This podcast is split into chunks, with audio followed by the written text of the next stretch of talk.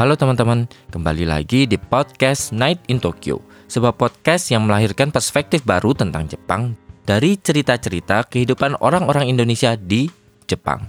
Dibawakan oleh gua, Aiman, host Night in Tokyo.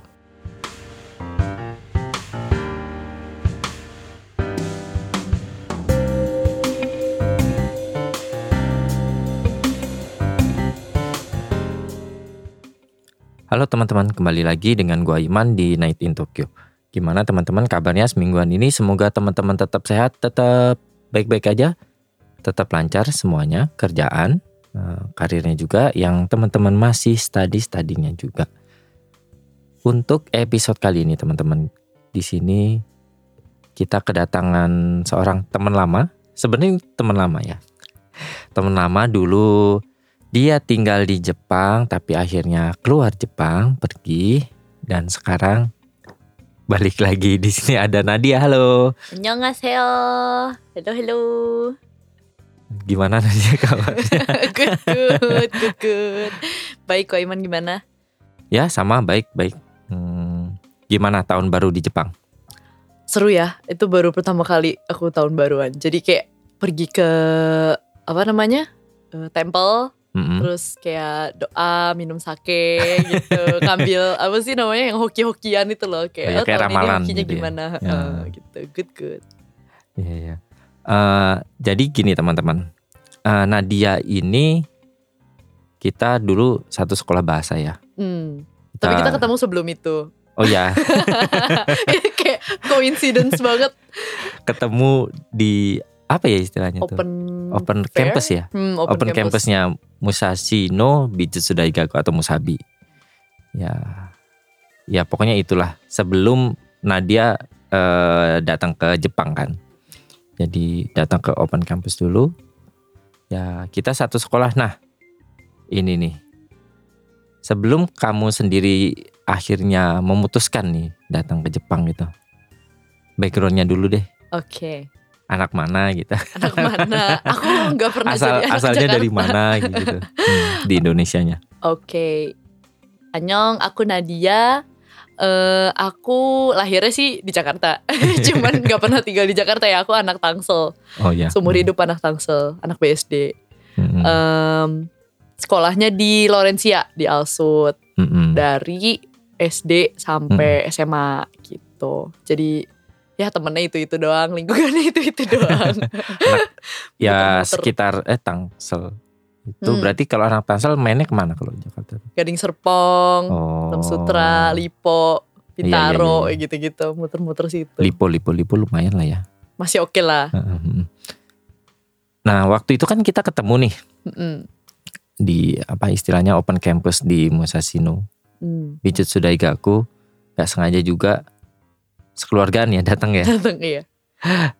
Sekeluarga datang. Eh, waktu itu apa sih yang apa ya kalau kalau kalau bahasa Jepang kan waza waza waza waza Hmm. itu apa ya bahasa Indonesianya waza waza itu kayak sampai repot-repot datang ke Hmm, Jepang buat hmm, datang ke hmm. open campus padahal itu tuh belum tinggal di Jepang kan nyatanya Belum belum. Iya kan Mm-mm. cuma baru observasi doang kan Mm-mm. nah itu apa yang membawa akhirnya nyoba datang ke open campusnya Musashino Bijutsu Daigaku Jadi sebenarnya tuh agak backstory dikit ya. Hmm. Kayak aku itu ke Jepang pertama kali karena mau liburan ke Korea gagal. Gitu. oh oke kita mau liburan ke Korea terus kayak ada virus apa gitu kayak gitu. Eh jadi akhirnya kayak aduh gimana dong nggak jadi jalan-jalan gitu kan Hmm. mau sama nenek segala macem akhirnya pergilah kita ke Jepang gitu.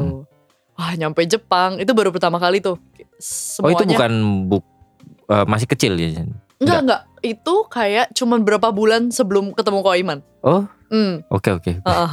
itu kayak kita pertama kali ke sana jalan-jalan dan pas at that moment kayak bener-bener fall in love banget kan sama Jepang. I Mhm. think sampai saat itu tuh aku belum menentukan mau kuliah apa dan Oh di udah di akhir mau lulus juga. Udah atau udah lulus? Kelas 2 SMA, kelas Oh, 11. Oh, Oke. Hmm. Terus ya udah jadi kayak ke Jepang, oh kayak asik nih gitu kan, kayak oh ternyata suka gitu. Tapi even before that juga aku sebenarnya suka baca komik komik Hmm, Jepang gitu manga kayak gitu. uh, uh, nonton anime paling kayak satu dua nggak nggak terlalu sebanyak sekarang nggak terlalu kayak Hmm. ini Em, ya gitulah jadi kayak aku udah tahu sedikit sedikit kayak oh kalau Hmm. Jepang tuh culture-nya gini kayak Hmm. mereka tuh famousnya for this for this Hmm. gitu gitu nah jadi setelah pulang abis dari liburan itu Hmm. mulailah aku les kor- eh, les bahasa Jepang Oh, Uh-uh. udah les duluan berarti ya? udah di Indo tapi senseinya yang kayak datang ke rumah gitu Hmm. Mm, setiap pulang sekolah kita kayak les-les doang kayak cuman simple-simple belajar hiragana, Hiragana, katakana, katakana. kayak belajar sekarang jam berapa hitung kayak satu dua tiga gitu-gitu Oh, iya. iya. Hmm, nah terus baru aku bilang kayak aku mau coba ngambil kuliahnya di Jepang, Di Jepang. ngambil art gitu kan Hmm. cari-carilah kayak apa yang terkenal ya gitu di Jepang Udah gitu pasti kan muncul itu Musabi ya. nah langsung muncul Musabi sama Tamabi Iya. iya. sama Nihon apa Nihon Daigaku apa sih Eh, Oh. Yang paling terkenal lah pokoknya udah Iya, kayak iya, iya, UI-nya Jepang gitu lah. Hmm. Nah itu muncullah tiga itu gitu. At that moment tuh orang tua aku harus mengharuskan aku untuk at least dapat bachelor's degree. Jadi harus ada sarjana. Hmm, S1. Sedangkan di Jepang itu yang arts kebanyakan dapetnya diploma. Jadi Hmm. kayak itu lumayan kita kayak agak ya muter-muter lah di situ lah, agak Hmm. bingung lah bisa dibilang. Nah jadi kita merencanakan kalau gitu kita lihat dulu, yuk Oh. Musabi gimana gitu. Lah dapat informasi open campusnya sendiri dari website. Aku ketemu sama agent eh Ibu Jin, Oh, tahu nggak? Uh, uh. Ibu Oyama. Ibu Oyama. Oh iya kita sama nih. dari Jin. agentnya. Heeh. iya sama kita. Gimana sih? iya iya iya Iya, gitu. Nah, dia ngajakin ke acara yang eh, kayak bukan open campus juga sih ya, tapi kita bisa lihat-lihat semua Oh job, kampus. eh bukan job fair. st- Eh, eh, eh, Kayak- study fair, study fair. Iya iya. Mm-mm, mm-mm, Hmm. University fair gitulah Hmm. di Jakarta kan. Ketemu dia. Edu fair. Edu fair astaga. kayak apaan sih? Nyangkut gitu ganjel. Iya iya. iya. Iya iya, ya gitu. Jadi kayak oh ya ngambil pamphlet-pamphlet gitu kan. Hmm. Oke lihat-lihat. Paling atraktif itu Musashino punya eh, Hmm. interactive media eh, imaging science. Oh yaitu iya iya. kayak iya, anime animationnya mereka gitu. Iya. Hmm. Jadi berangkatlah cus kita ke sana. Sekalian jalan-jalan, gitu. nonton sumo. Hmm. Pertama kali datang itu belum pernah kan berarti ke Musashino Belum, Bijutsu Daigaku itu. Pertama pertama kali datang gimana? bagus sih. Jujur Hmm. Kalau ini jujur ya. kalau orang lihat Daigaku atau kayak University itu Hmm. pasti kan nontonnya dari film Hollywood. Kayak oh ya. zaman dulu kan iya, iya. Apa ya film Jepang, film Hmm. Korea kan belum se-hype sekarang gitu ya. Jadi kita tuh Iya. nggak terlalu terekspos kalau kehidupan eh, Kehidupan kampusnya tuh Amerika banget gitu ya. banget di Hmm. image kita ya. Iya, iya. Jadi ngebayangin itu yang kayak bisa duduk di rumput gitu yang kayak oh sambil ada food truck di depan Megah gitu megah gitu. Heeh, Bayanginnya kayak gitu. Jadi nyampe sana, nyampe Musabi, ternyata kan dia modern banget kan. Hmm.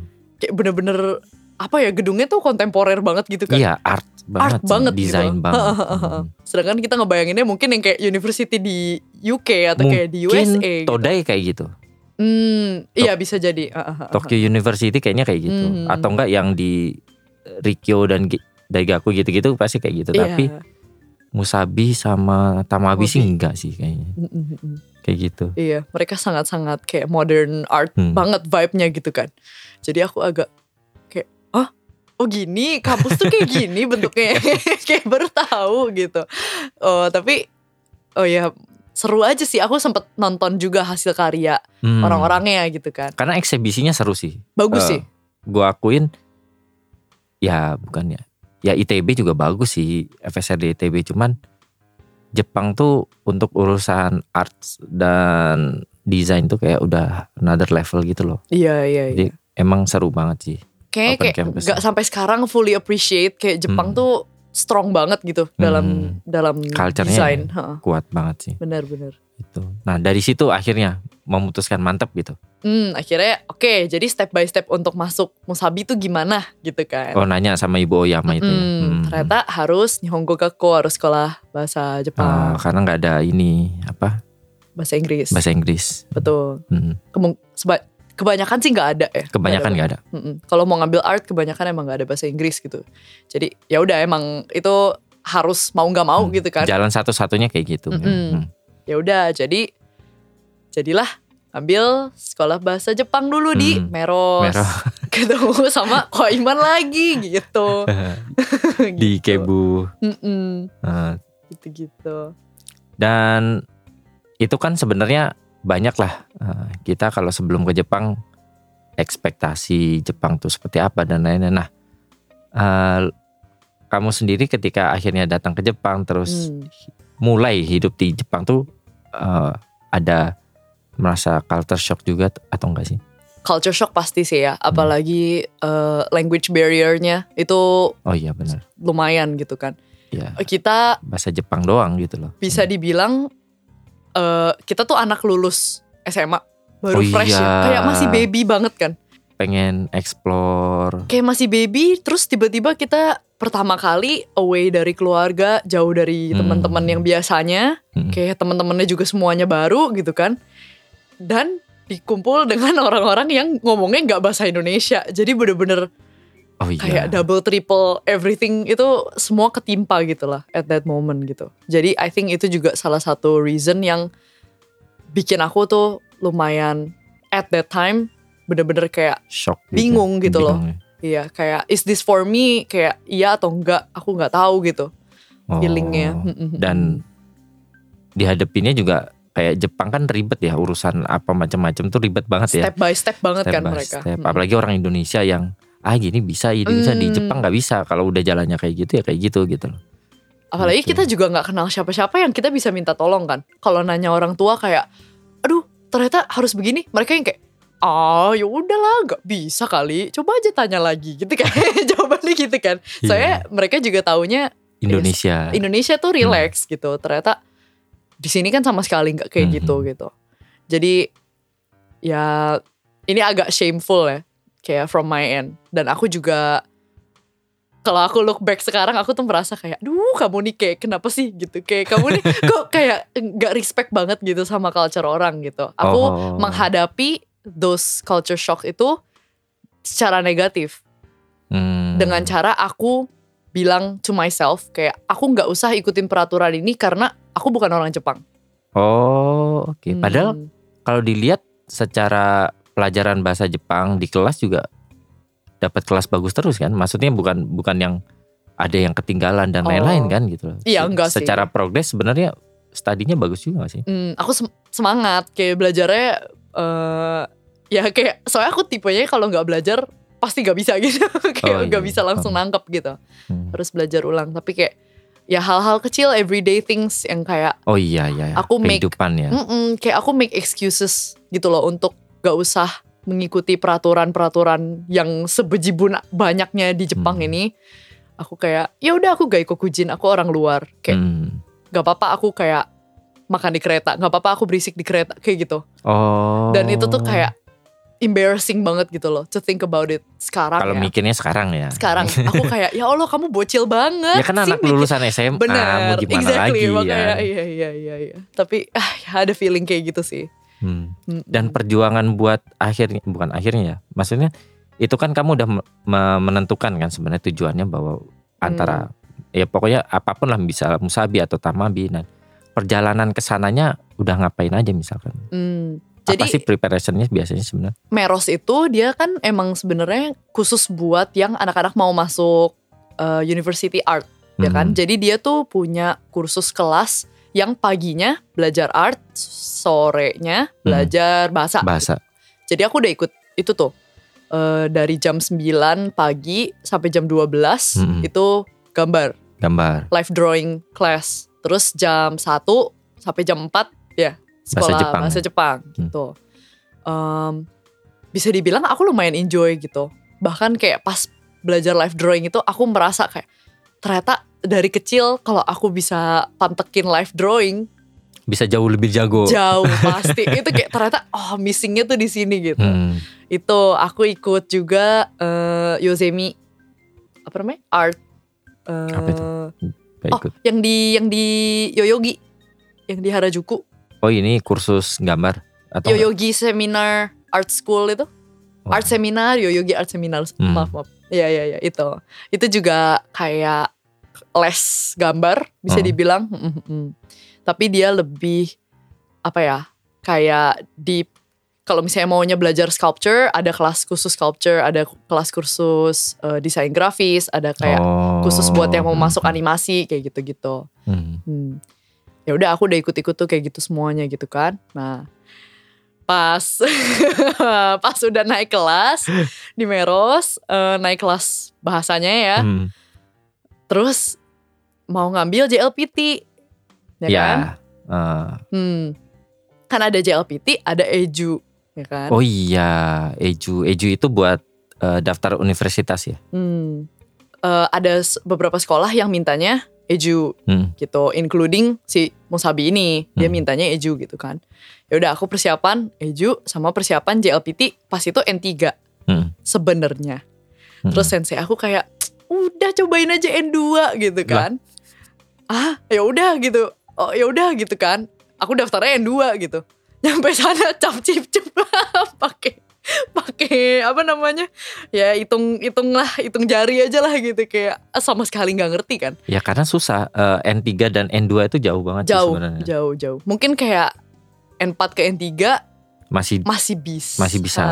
Masih Tapi- dekat. Uh-uh. Tapi kalau N3 ke N2 itu jauh banget. sih. Mm-mm, gitu. Jadi ya of course N2-nya gagal, aku nggak Hmm. nggak dapet gitu kan. Ejunya sebenarnya bisa dibilang aku lulus, Hmm. Bisa Karena nggak ada lulus dan gak lulus mungkin. Skor Mm-mm. kan jatuhnya. Skor. Skor. tapi uh, minimal score yang dibutuhkan Oh, di atas untuk masuk rata-rata. ke Musashino itu aku dapet Oh. lebih dikit, kayak giri-giri banget, kayak bener-bener Hmm. pas-pasan. Hmm. Tapi uh, at that moment kayak ya gimana ya, kayak namanya juga masih bocil gitu ya, dan Hmm. kayak under the pressure of Hmm. kamu nih harus punya S1 loh. Kamu nih kayak gak pegang apa eh sarjana apa-apa loh gitu loh. Sekarang Hmm. kamu nih lulusan SMA gitu. Hmm. Kalau kamu nggak masuk university, kamu lulusan SMA doang. Sampai kapan gitu? Perasaan itu tuh kayak kuat banget gitu loh. Oh karena eh, udah feeling akal bak akal bakal susah gitu masuk musabi. Karena karena pas aku lihat hasil eju aku yang lulus dengan pas-pasan, Mm-mm. aku ngelihat temen-temen yang orang-orang dari China, orang-orang dari Vietnam dan Thailand Hmm. yang poinnya tuh mungkin jauh gitu loh oh, lebih tingginya hmm. karena mereka menang mungkin di kanji atau mereka menang di listening gitu. eh ya at that moment minder jadinya kan. Apalagi Hmm. kita satu satu, satu art class. Jadi aku juga tahu mereka kemampuan gambarnya, gambarnya gimana. kayak gimana. Dan Ya, orang jago-jago orang kan. Cina jago-jago. Jago-jago mereka. orang Cina jago-jago. Jago banget. Iya. Manual. live drawingnya jago banget pakai pensil kayak wah beneran realistis banget gitu kan Hmm, hmm. jadi aku mikir-mikir wah aku nih punya plus poinnya nih apa sih gitu kalau aku Oh. apply kayak gak ada gak sih gitu bahasa Jepangnya kalah gambarnya kalah, gitu eh Padahal sudah lah harusnya ada wawancara sih sebenarnya. Kali aja wawancaranya bagus. nah tapi ini Honggonya juga Oh iya, bener. ini kayak medok-medok gitu susah jadi kayak ya udah pas itu mungkin aku ag- agak mental breakdown juga ya kayak Hmm, bingung sempet gitu ya? kan sempet sempet banget kayak setiap pulang sekolah aku sama roommate aku si Jess. Ini kita beran selalu berdua ke mana-mana. Ya sama Jess kita duduk di atas futon yang kayak harus dilipet kalau nggak ruangannya nggak cukup. Saking Oh, iya, iya, kecilnya benar, apartemennya gitu kan. Kita duduk di atas futon terus kita kayak ini gimana? Ya gitu. Kalau Jess eh, dia juga at that moment udah decide dia mau keluar dari Jepang gitu. Hmm, Jadi udah just- siapin ex- escape plan masing-masing ya. Mm-mm. Kita kayak mencari escape plan gitu. Nah terus aku sambil apply-apply ke university lain dan dapatlah aku di RMIT Hmm, di Australia, di Australia. Melbourne. Dan ciciku juga tinggalnya di Australia di Melbourne. Jadi, orang tua aku kayak, oh bisa tinggal bareng cici gitu. Ah. Kayak, oh oke lah, kayaknya seru juga gitu kan. Ya udah deh. Keluar deh. Akhirnya, tapi ya bisa dibilang aku ketemu the best people of my life itu di Jepang. Ketemu Jess, Hmm. ketemu Yemi Hmm, juga. hmm, Ko Aiman dan Hmm. suami aku sekarang. Iya benar juga. Ketemunya di Jepang, padahal kayak aku ke Jepang setahun setengah kayak beneran Singkat ya sebenarnya. Singkat singkat banget dan bisa dibilang jadinya gap year karena aku university enggak gitu kan. Oh iya benar juga ya. Mm-mm. Kayak kadang-kadang oh teman-teman aku ada yang udah lulus Oh mungkin insecure juga ya gara-gara itu ya. Bener. Kayak orang lain udah, aku udah semester berapa? Udah semester, Semester 4, Tiga semester empat bisa. 3. Tiga empat. Dan begitu aku udah mulai apply untuk university, udah ketemunya sama anak tahun 2000 kan. Mhm. Feelingnya kebayang lah kayak ya ampun ya ampun. Ada yang udah mikirin kayak aku di sini mau S2 ke mana? Ya Allah aku aja belum S1 gitu kan.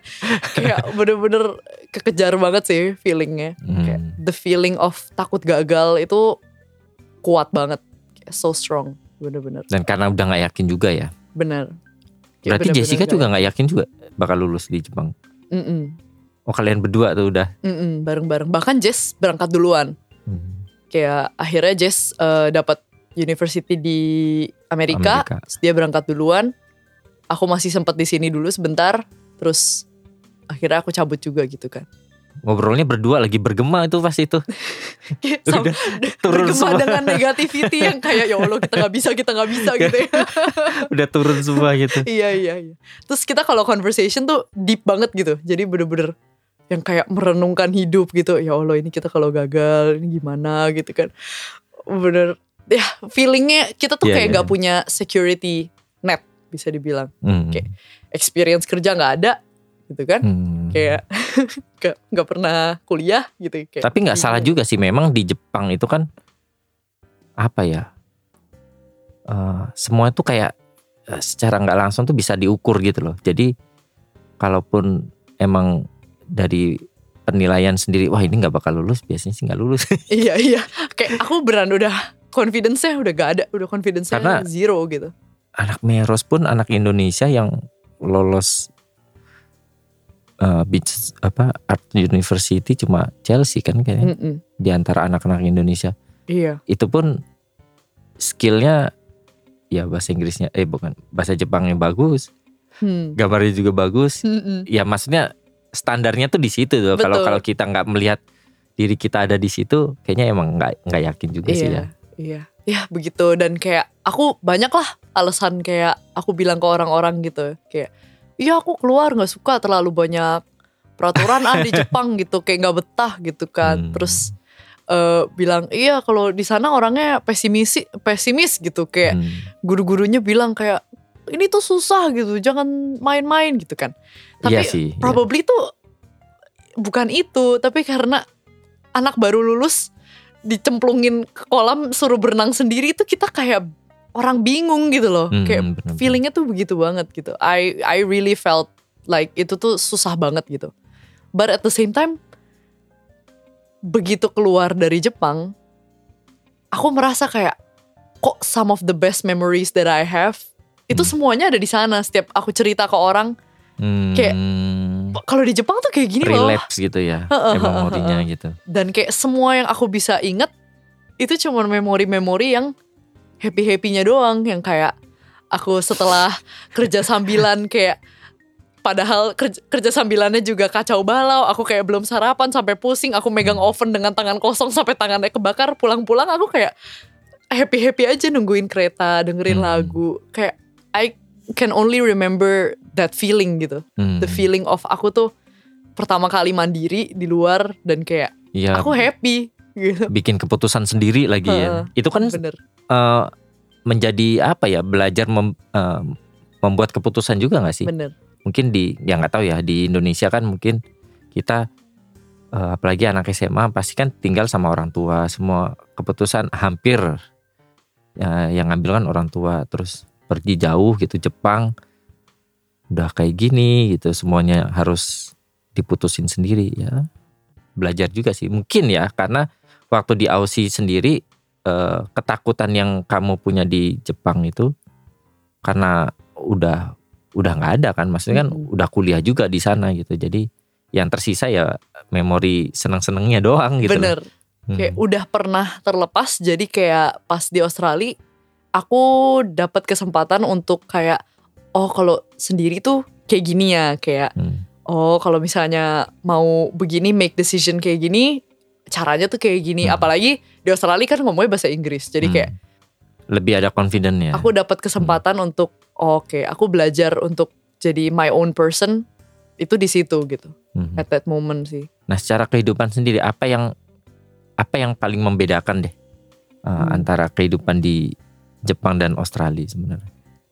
Australia nyantai banget tahu kalian kalau di sini kan semua orang kan kayak uh, uh gesit gitu kan Karena Tokyo juga ya kali ya. bisa jadi Hmm. bisa jadi sih kayak mungkin sekarang aku juga tinggal agak di daerahnya nggak di city center banget nggak secepat itu nggak segesit Hmm. itu kehidupannya cuman rasanya tuh kalau di Jepang bangun telat kayak ya Allah udah deh abis waktunya kayak udah nggak bisa ngapa-ngapain cause everything move so quickly gitu kan Hmm. kayak cepet banget di Australia tuh eh restoran mau buka jam 11 terus jam 5 udah tutup Hmm. Oh iya bener. Mm-mm. Tutupnya cepet. tutupnya cepet banget. Terus kalau hari Minggu bukanya jam 11, tutupnya jam 2 gitu. Kayak berasa suka-suka dia ya. Oke, ini orang bikin duitnya gimana caranya jam 2 udah tutup ya? Hmm. Gitu, tapi kayak santai gitu. Orangnya kehidupannya santai. Orang-orangnya super duper friendly. Cuman awal-awal ya, awal-awal aku nyampe ke Australia, itu Hmm. juga berat banget hidupnya. Karena bukan berat secara hidup ya, cuman aku merasa berat karena aku kesepian banget. Harus adaptasi lagi ya berarti ya. that and cici aku eh, pas itu harus pulang dulu karena masalah visa. Jadi aku sempet sekitar 8 bulan. Aku beneran sendirian dan aku baru masuk kuliah. I don't have friends, nggak punya community.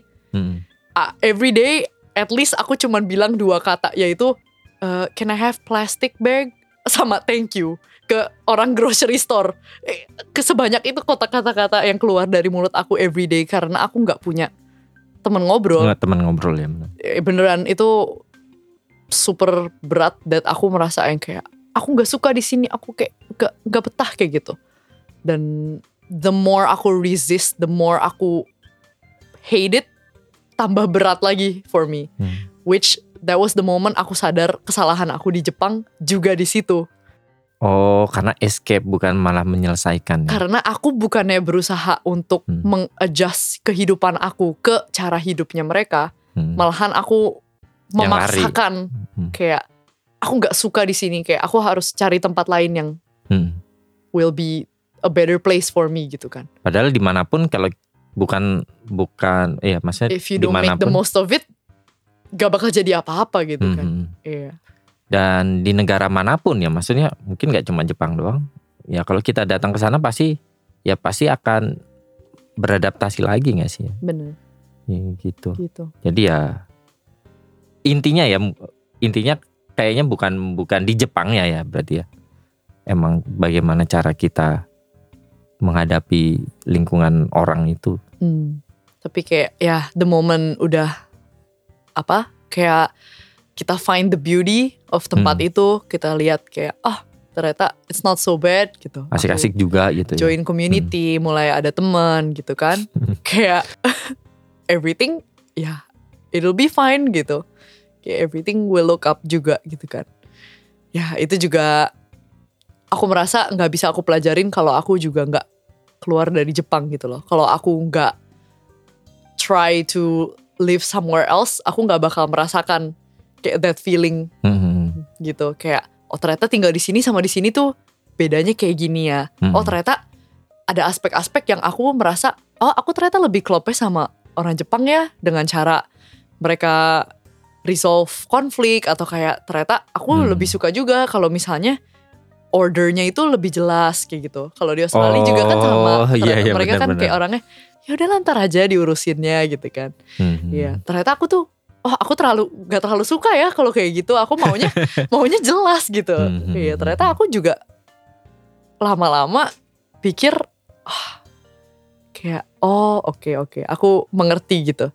Yang bikin aku kangen banget sama Jepang itu dari aspek-aspek yang berbeda di pas aku tinggal di Australia itu kan. karena ada kom, ada komparasinya kan Mm-mm. ada pem- pembandingnya gitu bener.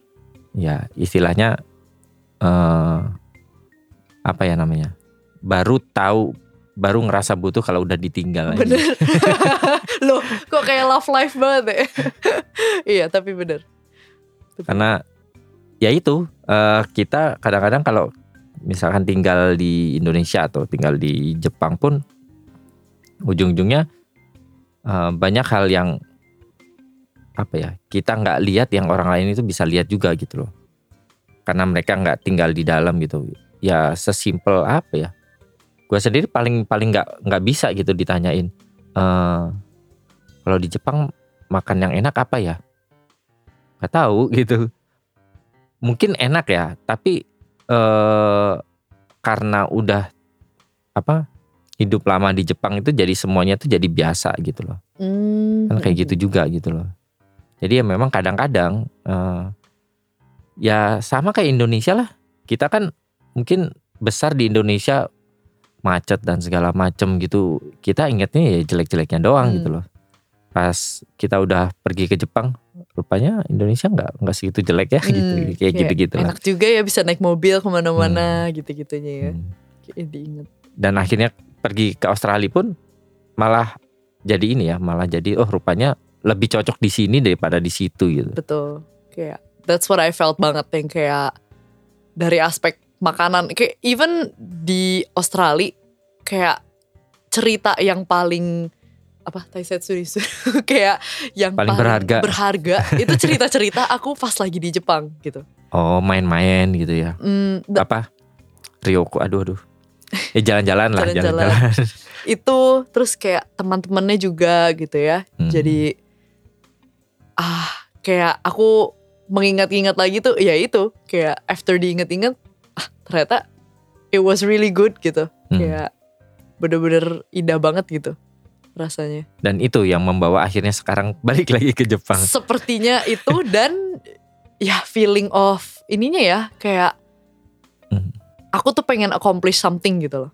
Aku merasa kayak belum selesai gitu loh chapter aku di Jepang tuh kayaknya kemarin tuh cut Oh. very very short gitu kan.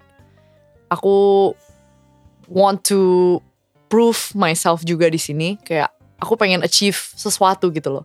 Dan Di that Jepang. that feeling tuh so strong kayak sebenarnya ya kayak opportunity di Australia di Indonesia itu juga sama banyaknya gitu. Kayak untuk mengembangkan eh, bisnis, untuk kayak mengembangkan skill segala macem itu ada lah, muncul gitu opportunity-nya. Cuman if aku give up on kayak datang balik ke Jepang and like living my dream di sini, Hmm. kayak rasanya tuh aku bakal regret it banget gitu loh. Gak tau kenapa ya, kayak feelingnya tuh kuat banget in in my heart and in my head bahwa this is where I have to be gitu. Di Jepang itu where I have to be gitu. Karena belum selesai kayak urusan belum selesai aja kayaknya ya. kayak ada yang ganjel gitu kan. Gak tau ya. Tapi feeling, I think dan aku kayaknya not the only person yang merasakan kayak gini. Aku juga the more kita exposed to kayak social media, aku bisa melihat a lot of people yang Hmm, hmm. ternyata tuh uh, feelingnya tuh se-strong itu terhadap suatu tempat gitu loh. Iya. Hmm. Dan kayak ya for me itu Jepang gitu. Kayak this is where I need to be. Ini kayak udah become a part of my identity. Kayak my brand juga a big chunk around it. Itu kayak aku buat out of culture Jepang, out of kayak Terinspirasinya terinspirasinya dari culture Jepang, kayak dari bahasa Jepang gitu kan. Hmm. Itu udah kayak jadi mengakar gitu. It's rooted kayak di aku and the things yang aku bikin gitu, the things yang aku produce gitu kan. Hmm. Gitu. Di Aussie sendiri ngambil apa? Eh, Kuliahnya. kuliahnya. Hmm. Oh, animasi jadinya. Oh Tetap animasi Tapi sekarang bisnisnya adalah potri. Jadi guys, don't worry kalau kalian salah jalan, don't worry. Tapi kayak aku nggak pernah menyesali gitu loh, kayak Hmm. ngambil animasi karena eh jujur menurut aku animasi itu a skill yang berguna dan aku nggak bisa belajar kalau sendiri gitu. Oke Hmm. Hmm. Kalau misalnya potri, bukannya aku bilang nggak berguna ya, menurut aku berguna juga ini jadi my livelihood sekarang. Cuman itu sesuatu yang aku masih bisa eh, grab secara otodidak Hmm. gitu lah ya.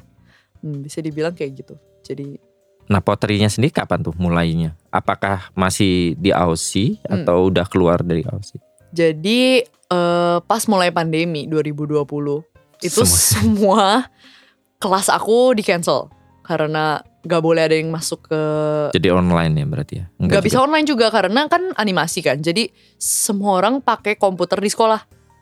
Oh. Hmm, ada yang punya komputer di rumah, tapi kan gak semua orang Iya kan speknya harus bagus ya. kuat. Me included gitu. Aku Hmm. juga nggak punya at that time. Kayak eh, aplikasinya juga kan harus bayar kan Iya, mahal semuanya. Mm-mm, 3D rendering programsnya segala Hmm. macam semuanya we can't afford it gitu. Kita nggak bisa. Jadi akhirnya sekitar bulan Juni itu Hmm. kayaknya Setengah tahun berarti ya? Iya, itu beneran di stop semuanya dan aku kayak di rumah going crazy as semua orang juga pas lagi pandemi kan kayak semua orang bingung kayak isolate bener-bener nggak boleh ke mana-mana gitu kan. Hmm. Hmm. When things got a little bit better sedikit kayak membaik gitu, Hmm. I think sih bulan Juli kalau nggak salah awal awal bulan Juli deh. Itu aku mulai nonton di YouTube namanya Ami Ceramic.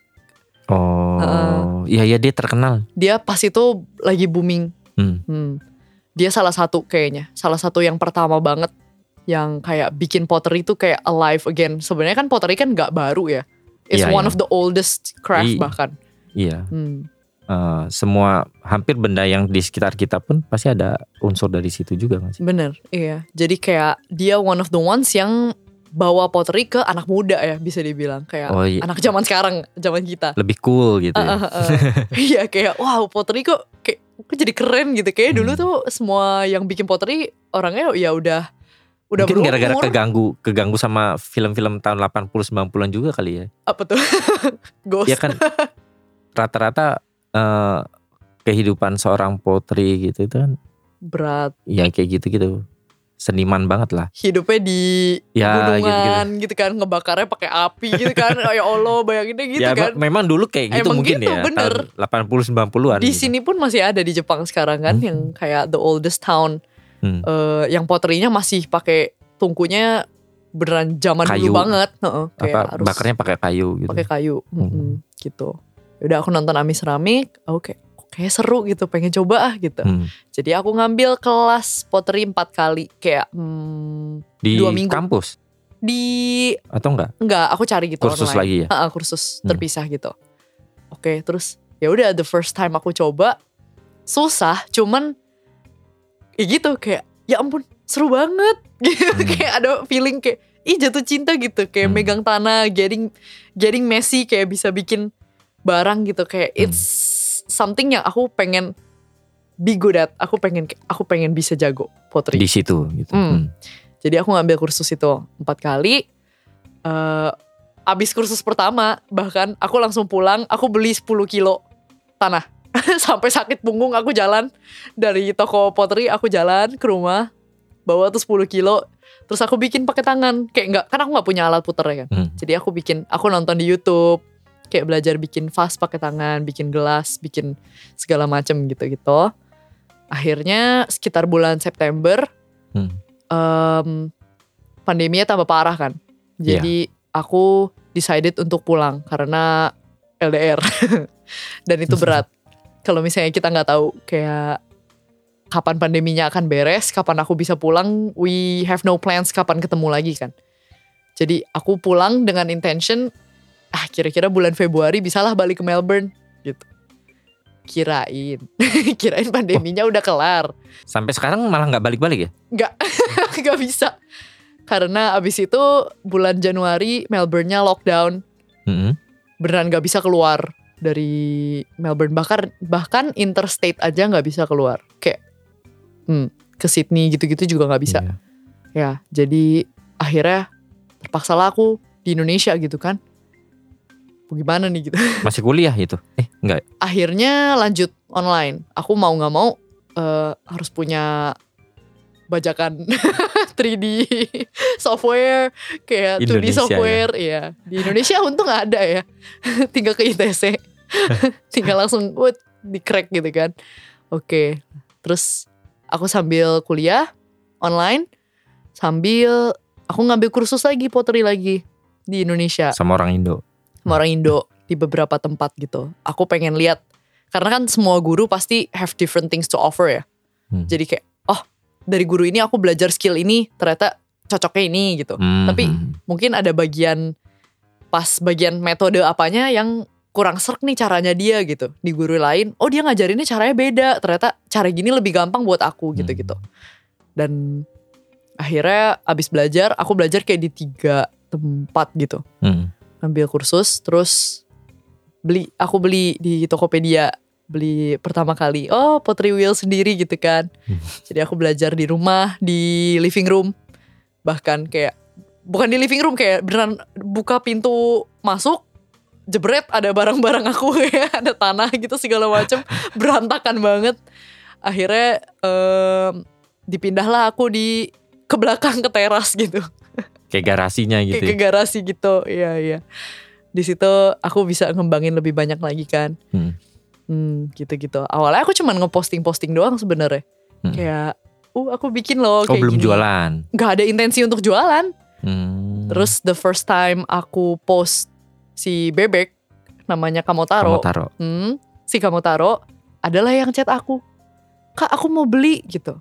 Berapa? Aku kayak yo ini ini kayak glaze-nya masih numpuk-numpuk gitu kan. Sininya ada yang bocek, sininya ada yang ini gitu. Hmm. Aku gak pede gitu jualnya gitu. Jadi aku apa ya kembangin lagi dengan intention aku harus be proud enough untuk aku bisa jual Dijual. gitu. Kualitasnya dinaikin. Hmm, jadi bikin lagi lah aku bikin bejibun-jibun si bebek. Lama-lama jadi tidak terkendali dan kayak sekarang aku bikin bebek terus everyday. begitu ceritanya. Journey of pottery. Ya begitu. Jadi emang sebenarnya awalnya nggak ada intention mau jualan sih. Kayak luck brought me there. Luck and support ya. Kayak Ya ngalir aja sih kayaknya. ngalir. Iya, iya, iya. Bener-bener. Iya, bener-bener. Kayak ya lucky aja gitu. Kayak lewat social media Hmm. ada yang bisa lihat dan ada yang mau support gitu ya. Ya awal-awalnya aku sempet jualan hal-hal lain juga. Aku sempet bikin pin kecil-kecil Hmm. tapi ya ordernya dari keluarga, dari teman-teman gitu kan. Dan itu aja aku udah happy banget. Kayak, oh ada yang person gitu. Dari Tokopedia, oh ternyata teman aku gitu, thank you gitu. Kayak, tapi seneng banget kayak, Hmm. Gitu jualan gitu. Lama-lama, ah lama-lama, oh ini order pertama dari orang yang aku nggak kenal yang kita nggak related gitu kan. Kayak, Hmm. wow dia beli gitu. Ada orang luar yang beneran punya barang aku gitu. Lama-lama ada yang nanya jual ke luar negeri gak? Oh. Kayak do you sell internationally? Jadi aku berusaha kan. Kayak gimana caranya ya Gimana jual caranya? internasional gitu kan? Gimana nggak pecah juga gitu kan. Gimana nggak pecah? Ngirimnya pakai apa? Kalau pakai DHL mahal banget gitu kan? Hmm. pakai FedEx juga mahal kayak pakai pos Indonesia bisa botak nunggunya tiga bulan gitu kan jadi eh ya cari-cari cari cara gimana caranya bikinlah website akhirnya kayak punya website sendiri ye bisa dapat Hmm. order dari internasional oh first order dari USA gitu kayak celebrate gitu kan makan-makan gitu terus kayak oh first order dari Jepang kayak oh celebrate makan-makan gitu kayak semua first order dari mana-mana kayak itu Hmm. special banget gitu sampai ya sekarang akhirnya balik ke Jepang pun aku Bawa. bawa dan aku bisa lanjutin gitu kan Hmm. iya Oh berarti sampai lulus pun nggak balik lagi tuh ke Aussie. aku lulusnya pakai piyama nonton orang lain graduation terus aku tepuk tangan le di depan laptop karena aku nggak bisa balik ke sana Ya, for tapi- graduation Iya tapi lulus ya berarti ya. lulus lulus dong lulus dapat diplomanya gitu-gitu cuman eh, ya Nggak ikut nggak wisudaan seremoni. aja. Heeh, nggak Hmm. ikut seremoninya Hmm. gitu Aduh. Terus akhirnya sekarang balik lagi ke Jepang gitu. Hmm. Perasaannya gimana? Eh, apakah perasaannya sama kayak waktu itu? Waktu pertama kali datang ke Jepang atau sekali beda ya. Karena during aku kuliah di Hmm. Australia, aku juga udah set niat untuk begitu aku lulus dari Australia, aku Hmm. mau balik lagi ke Jepang. And then ternyata Ah, pandemi. Jadi kayak Hmm. aku udah lulus pun bahkan lulusnya kedorong gitu kan. Dan aku harus pulang ke Indonesia. The feeling of aku mau ke Jepang kayak that's where I need to be itu malah tambah kuat. Tapi at the same time pandemi itu ngajarin kita untuk go with the flow gak sih? Kayak no matter how much you plan, aku udah plan kayak pokoknya abis lulus Mhm. mau balik ke Jepang, Hmm. gimana pun caranya mau cari kerja, mau S2, mau gimana. Tiba-tiba kena pandemi kan like aku nggak bisa wait for my life to begin when aku ke Jepang kan. Like Hmm. either way aku harus mulai kehidupan aku, aku harus make the best of it gimana pun caranya gitu kan. Jepang susah juga kan masuknya Susah lagi. kalau waktu eh, masa pandemi itu. Iya. Hmm. Jadi ya aku mau nggak mau ya aku harus berusaha what I can do di Indonesia aku bisa apa kayak Hmm. kalau aku udah bisa mulai jualan ya ayolah jualan kalau bisa udah bisa kerja dikit-dikit bikin workshop buka workshop ya ayolah dikerjain gitu kan sampai Sampai fokusnya malah ke situ. Sam. sampai fokusnya ke situ tapi Hmm. kayak the feeling of aku pengen balik ke Jepangnya sih nggak pernah hilang gitu ya kayak all the time kalau lagi lihat Instagram gitu ada video Jepang kayak ayo kayak sakit gitu kayak "Hah, aku pengen di situ juga gitu kayak feelingnya itu bener-bener push me lah untuk kayak oke ya bisa gitu one day kita balik lagi ke sana gitu kan tapi masih kata-kata one day kan karena pandemi itu kayak ya one day pokoknya kita bakal balik gitu Bahasa Jepang masih bisa. Hmm. aku masih les. Bahkan di Australia pun aku ikutan kayak apa sih namanya? exchange, Hmm. kayak study exchange language exchange gitu. Jadi kayak ada orang Jepang yang pengen belajar bahasa Inggris dan orang-orang internasional yang pengen belajar bahasa Jepang, mereka gabung kayak dikasih snack, kasih minum, terus kayak Oh, ngobrol-ngobrol iya, kayak iya, 30 iya, iya. menit bahasa Hmm. Jepang, 30 menit bahasa Inggris kayak gitu-gitu.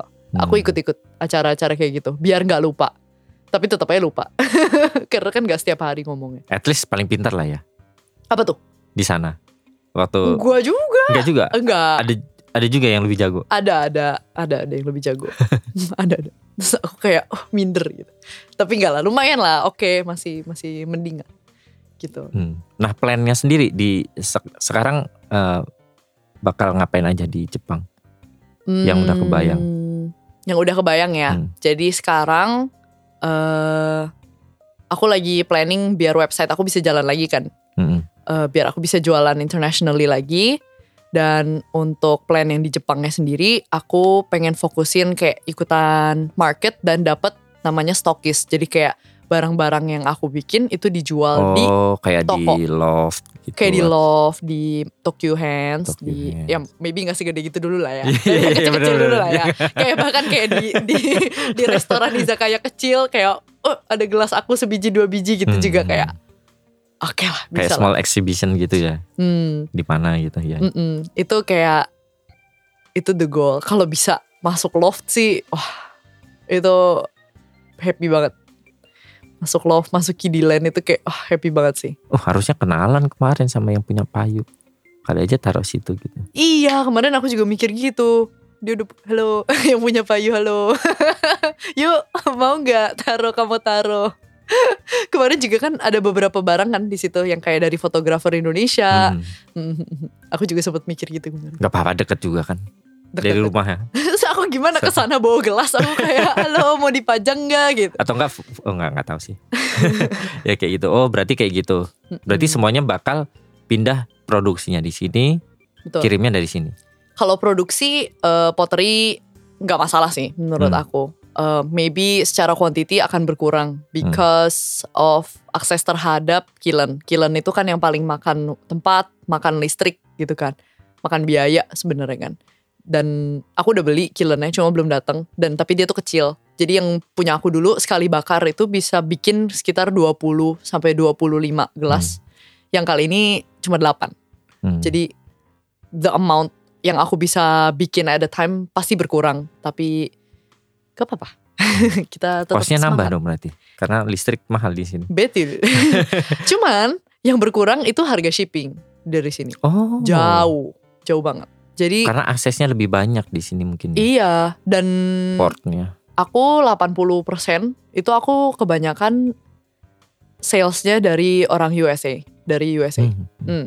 Jadi dulu tuh di Indonesia sekali ngirim barang ke US sekitar 1,3 juta Hmm. shipping fee-nya doang. Hmm. Dan aku understand kenapa Karena mereka nemplok ke mana-mana dulu kan sebelum akhirnya ke USA. Kalau di sini kayaknya langsung deh. iya dan ya nggak tahu ya mahal banget dah shipping pokoknya dari Indonesia Hmm. tuh bener-bener nggak affordable gitu kan.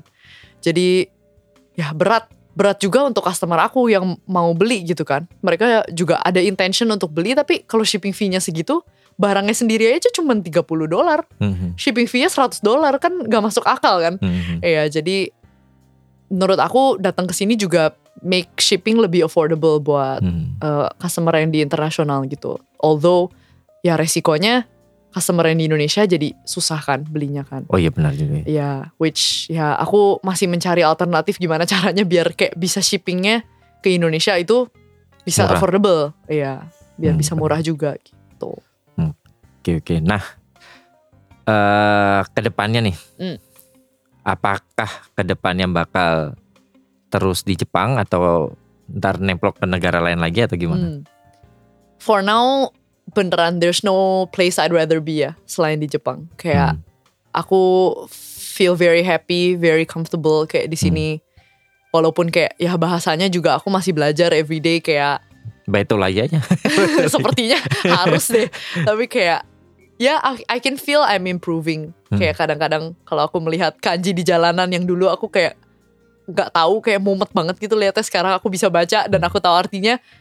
Even things like that itu make me so happy gitu every day. Jadi Hmm. kayak untuk sekarang my plan Hmm. itu untuk pengen stay di sini. Tapi kan eh aku udah married Hmm. juga. Jadi kayak ya my life kan nggak untuk sendiri ya. Kayak kita sebagai keluarga kita berdua decide juga things ya. berdua dan Hmm. kayak pasti eh, juga punya responsibility terhadap Hmm. keluarga yang ada di rumah gitu. Jadi Oh iya. sekarang sih kita take it kayak one year at a time. Kayak sekarang eh, kita one year dulu, terus nanti kalau udah mendekati visanya mau habis baru kita omongin lagi kayak ini gimana ya ke depannya. Tapi Hmm. kalau aku personally sih aku pengen see what my life bisa become kalau di sini sih. Hmm. Kayak bisa dikembangin jadi apa ya gitu. kayak nggak eh, apa ya namanya? Pengen lihat mau sejauh apa gitu kan. Bener. Hmm. itu dan juga kayak secara quality bukan education juga sih maksudnya kayak aku melihat kayak the things the value yang dipelajarin dari kecil di sini menurut aku itu aku suka kayak Oh, misalnya cara ngedidik anaknya. bener kayak misalnya belajar kayak di sekolah nggak ada OB nggak ada OG di sini ya kan Hmm. nggak ada office boy nggak ada office girl nggak ada yang bersih bersih karena mereka ada kelas bersih bersih kayak hal sekecil itu pun bahkan itu nggak hal kecil sih menurut aku kalau aku belajar itu dari kecil berguna ya jadi Hmm. if ke depannya aku punya anak aku tuh pengen itu jadi value-value yang dia Kalau pelajarin sekolahnya di sini. bener kayak dari kecil ya Tapi kalau pengennya gitu dimasukin street kayaknya sama aja deh. Gak tahu ya, nggak tahu ya. Maafkan ya teman-teman kalau sekolah yang di street. Street tuh internasional Eh, sekolah Republik Indonesia Tokyo Tokyo. emang ada ya aku aja nggak tahu Ada dong Hmm. di Meguro. Oh, oh ada. Ada. Oke oke oke oke. Nggak eh, nggak eh, satu satu wilayah sama KBRI yang lama. Mm-mm. Cuman nggak dekat, tetap harus Hmm. jalan jauh gitu. Mhm. Street Sekolah Republik Indonesia Tokyo. Oh ada. Ada tapi belajar kurikulum Indonesia sih kayaknya. Jadi sayang. Di Indonesia ya sekarang internasional ya sih. Kayak bingung gitu gak sih? Hmm. Tapi ya gitulah. Plannya sih begitu. Jadi semoga bisa lancar. Amin amin. Ya semoga nggak kabur lagi. Nggak tahu. Enggak. This time Oh udah ada pegangan sekarang ya. apa tuh? Maksudnya dulu kan Bener. Nggak ada Kan udah ada pegangan. satunya guys. Udah gak bisa dikomplain. sekarang udah. nah eh oke Eh, buat penutup nih seperti biasa semua guest akan ditanya ini di terakhir-terakhir. Betul. Jadi dua pertanyaan. Kira-kira hal-hal apa yang disuka dan gak disuka dengan kehidupan di Jepang? Yang disuka dan gak disuka ya. Hmm. Kalau disuka lumayan clear lah. Kayak orangnya orangnya tuh ramah tapi beda ya. Beda dengan ramahnya Indonesia sih sebenarnya. Hmm. Tapi secara general orangnya tuh baik-baik, mereka sangat respectful dan kayak ah, apa sih orangnya tuh kayak proper, Proper. orangnya Oke. proper. Jadi kayak ya nggak neko-neko, nggak aneh-aneh gitu. Hmm. Aku suka that that eh, apa lifestyle itu menurut aku cocok gitu. Dan of course makanannya kayak doyan banget di sini, gaining weight every day tapi it's okay. tiap malam makan es krim bos tapi ya udah Es krimnya macem-macem. itu kayak the culture itself aku tuh suka banget tempat-tempat yang Cocok ya. yang sangat strong dan mereka tuh proud dengan culture-nya sendiri. Aku Mhm. suka banget. Kayak mereka tuh sangat-sangat ya mereka tuh tahu culture-nya tuh bagus kayak and they keep it alive dari dulu Hmm, dan itu menjadi suatu kebanggaan. And aku sebagai orang yang bukan orang Jepang aja aku juga ikut bangga gitu loh. Sampai mungkin mereka sendiri nggak sadar kalau itu tuh nggak ada di negara lain mungkin. Gak tahu deh, kayaknya mungkin mereka sadar deh. Ma- makanya mereka tahu juga kan kayak ya tourismnya itu iya, so iya, strong tourism. karena Hmm, ya itu orang-orang datang ke sini itu ngincer culture Jepang gitu kan. hmm.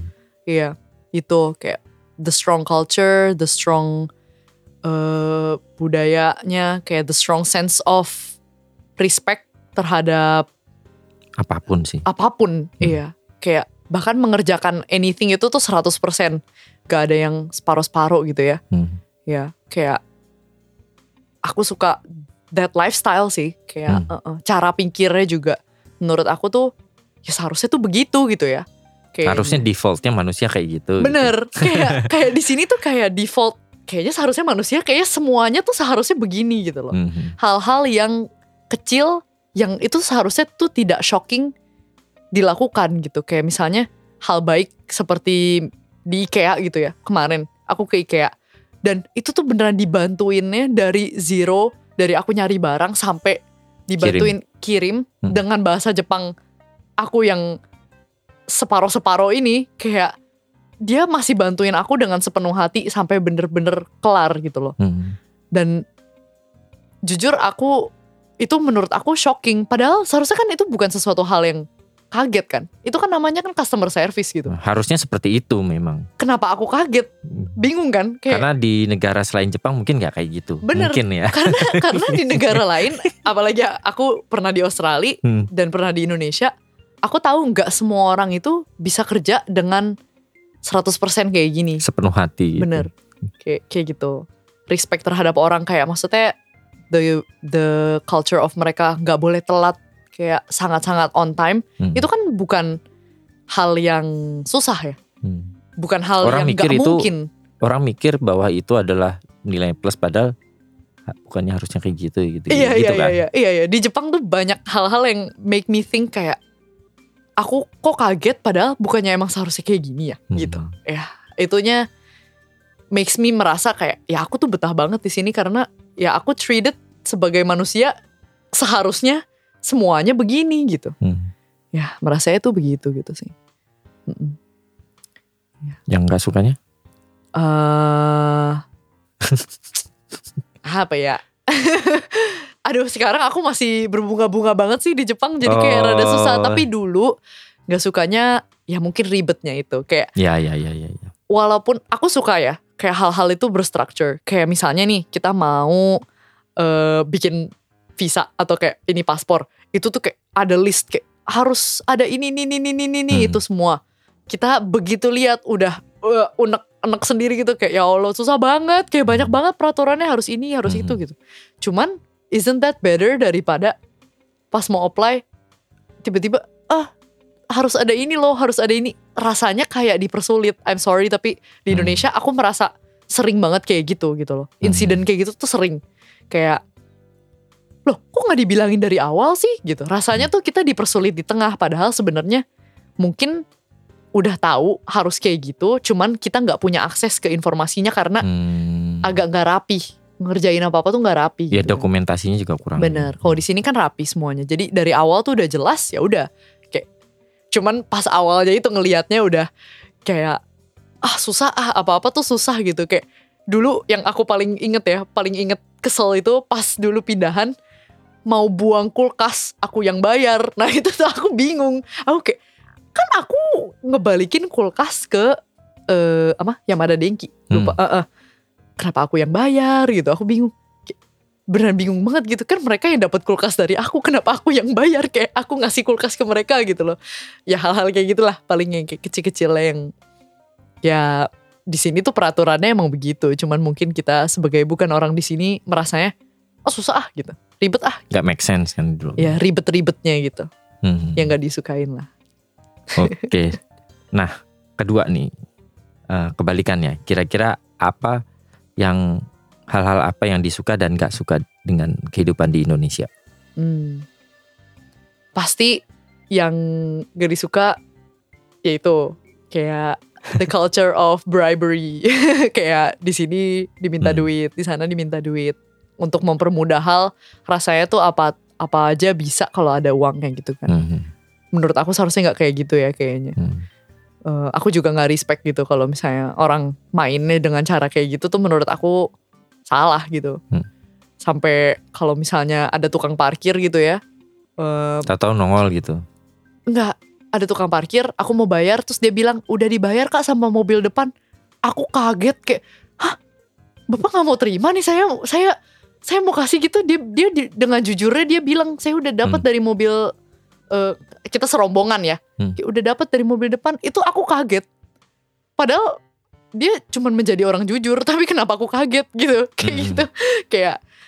Ya itulah culture-nya It means kan ada something wrong kan Hmm. Karena udah terbiasanya kayak gitu kan. udah terbiasa dengan orang yang langsung mengambil aja gitu Hmm. kayak atau nggak langsung meminta gitu kan ya aku agak nggak nggak suka lah kayak gitunya Hmm. dan aku juga ke mana-mana kan harus nyetir aku merasa ya kalau di Indonesia tuh aku so helpless kalau ke mana-mana nggak bisa kalau kamu nggak Hmm. bisa nyetir kalau nggak ada supir itu Hmm. kamu nggak bisa ke mana-mana gitu Hmm. kan aku gak suka that feeling of aku tuh dependent banget gitu sama orang lain untuk bahkan aku kayak mau beli toge atau mau beli buah atau beli apa beli buah aja tuh aku kayak harus nunggu ada supir kan bingung Hmm. kayak aku merasa like my independence itu direnggut apalagi sebagai orang yang udah pernah tinggal di luar negeri gitu kan Iya, begitu iya, balik iya. ke Indonesia kerasa kan Jepang juga ke mana-mana. Iya, Jepang ke mana-mana gampang. Kayak Hmm. beli buah tinggal jalan gitu kan. Mau ke mana-mana naik kereta. Keretanya juga sangat gampang gitu. Hmm. Iya, jadi eh, ada ada feeling of aduh nggak betah nih di sini kayak susah banget sih mau ke mana-mana gitu. Iya, iya. Iya gitu. Nah, sukanya sendiri. Hmm. Sukanya ini aku leave the good things for last. sukanya belakangan.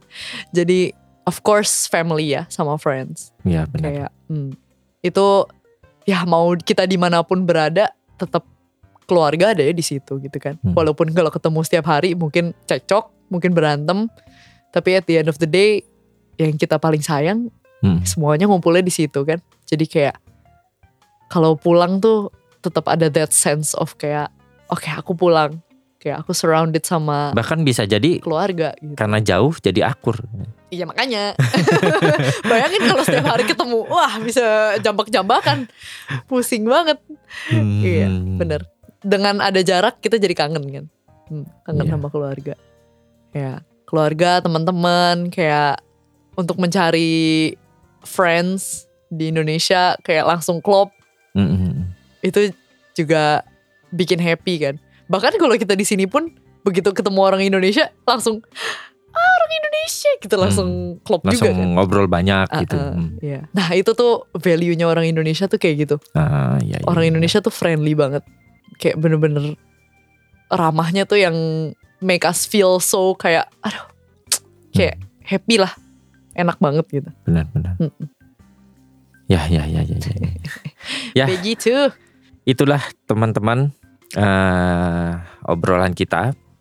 Obrolan gua maksudnya Berapa jam Bareng. tuh aku ngoceh? bareng Nadia. Ya, sejam lumayan. Pas lah. Eh, Nadia sendiri ada apa? Ya, sosmed atau mungkin promo keramiknya? boleh. kalau boleh promo. eh boleh guys di follow kalau mau lihat keramik-keramik handmade. Gambar bebek Kamotaro ada di at ink dot oasis snowflake. Wah susah ya. ink dot oasis kayak merek botol minum. Snowflake tapi S-nya satu. Jadi, Jadi digabung. Oasis eh, S di terakhir. Ya, ya itulah digabung. Oasis Snowflake. Betul. itu dia Eh, dan teman-teman juga jangan lupa eh, buat follow Instagram Night in Tokyo juga di night.in.tokyo karena di sana biasanya gua bakal berbagi informasi yang berkaitan tentang podcast ini. Dan teman-teman juga bisa kunjungi langsung website Night in Tokyo di www.nightintokyo.com di sana ada blog ada foto-foto jalan-jalan juga dan tentunya teman-teman bisa dengerin seluruh podcast mulai dari podcast yang paling awal sampai yang paling baru ada semua di www.nightintokyo.com. Dan jangan lupa teman-teman yang dengerin menggunakan Spotify di rate. Promo.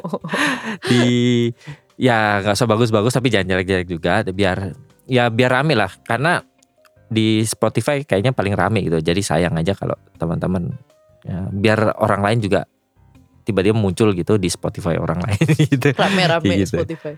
Eh, itu aja. Oke.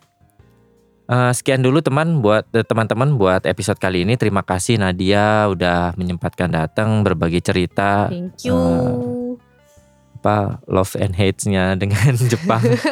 Pergi dan kembali lagi. Mondar mandirnya ke Jepang. Dan terima kasih juga buat teman-teman udah tetap setia dengerin Night in Tokyo. Semoga dapat manfaat juga dan gak bosan-bosan dengerin Night in Tokyo oke sekian dulu teman-teman buat episode kali ini Selamat malam, selamat beristirahat dan selamat menjalani aktivitasnya kembali besok di hari Senin. Sampai jumpa lagi di episode Night in Tokyo selanjutnya. Bye-bye. bye bye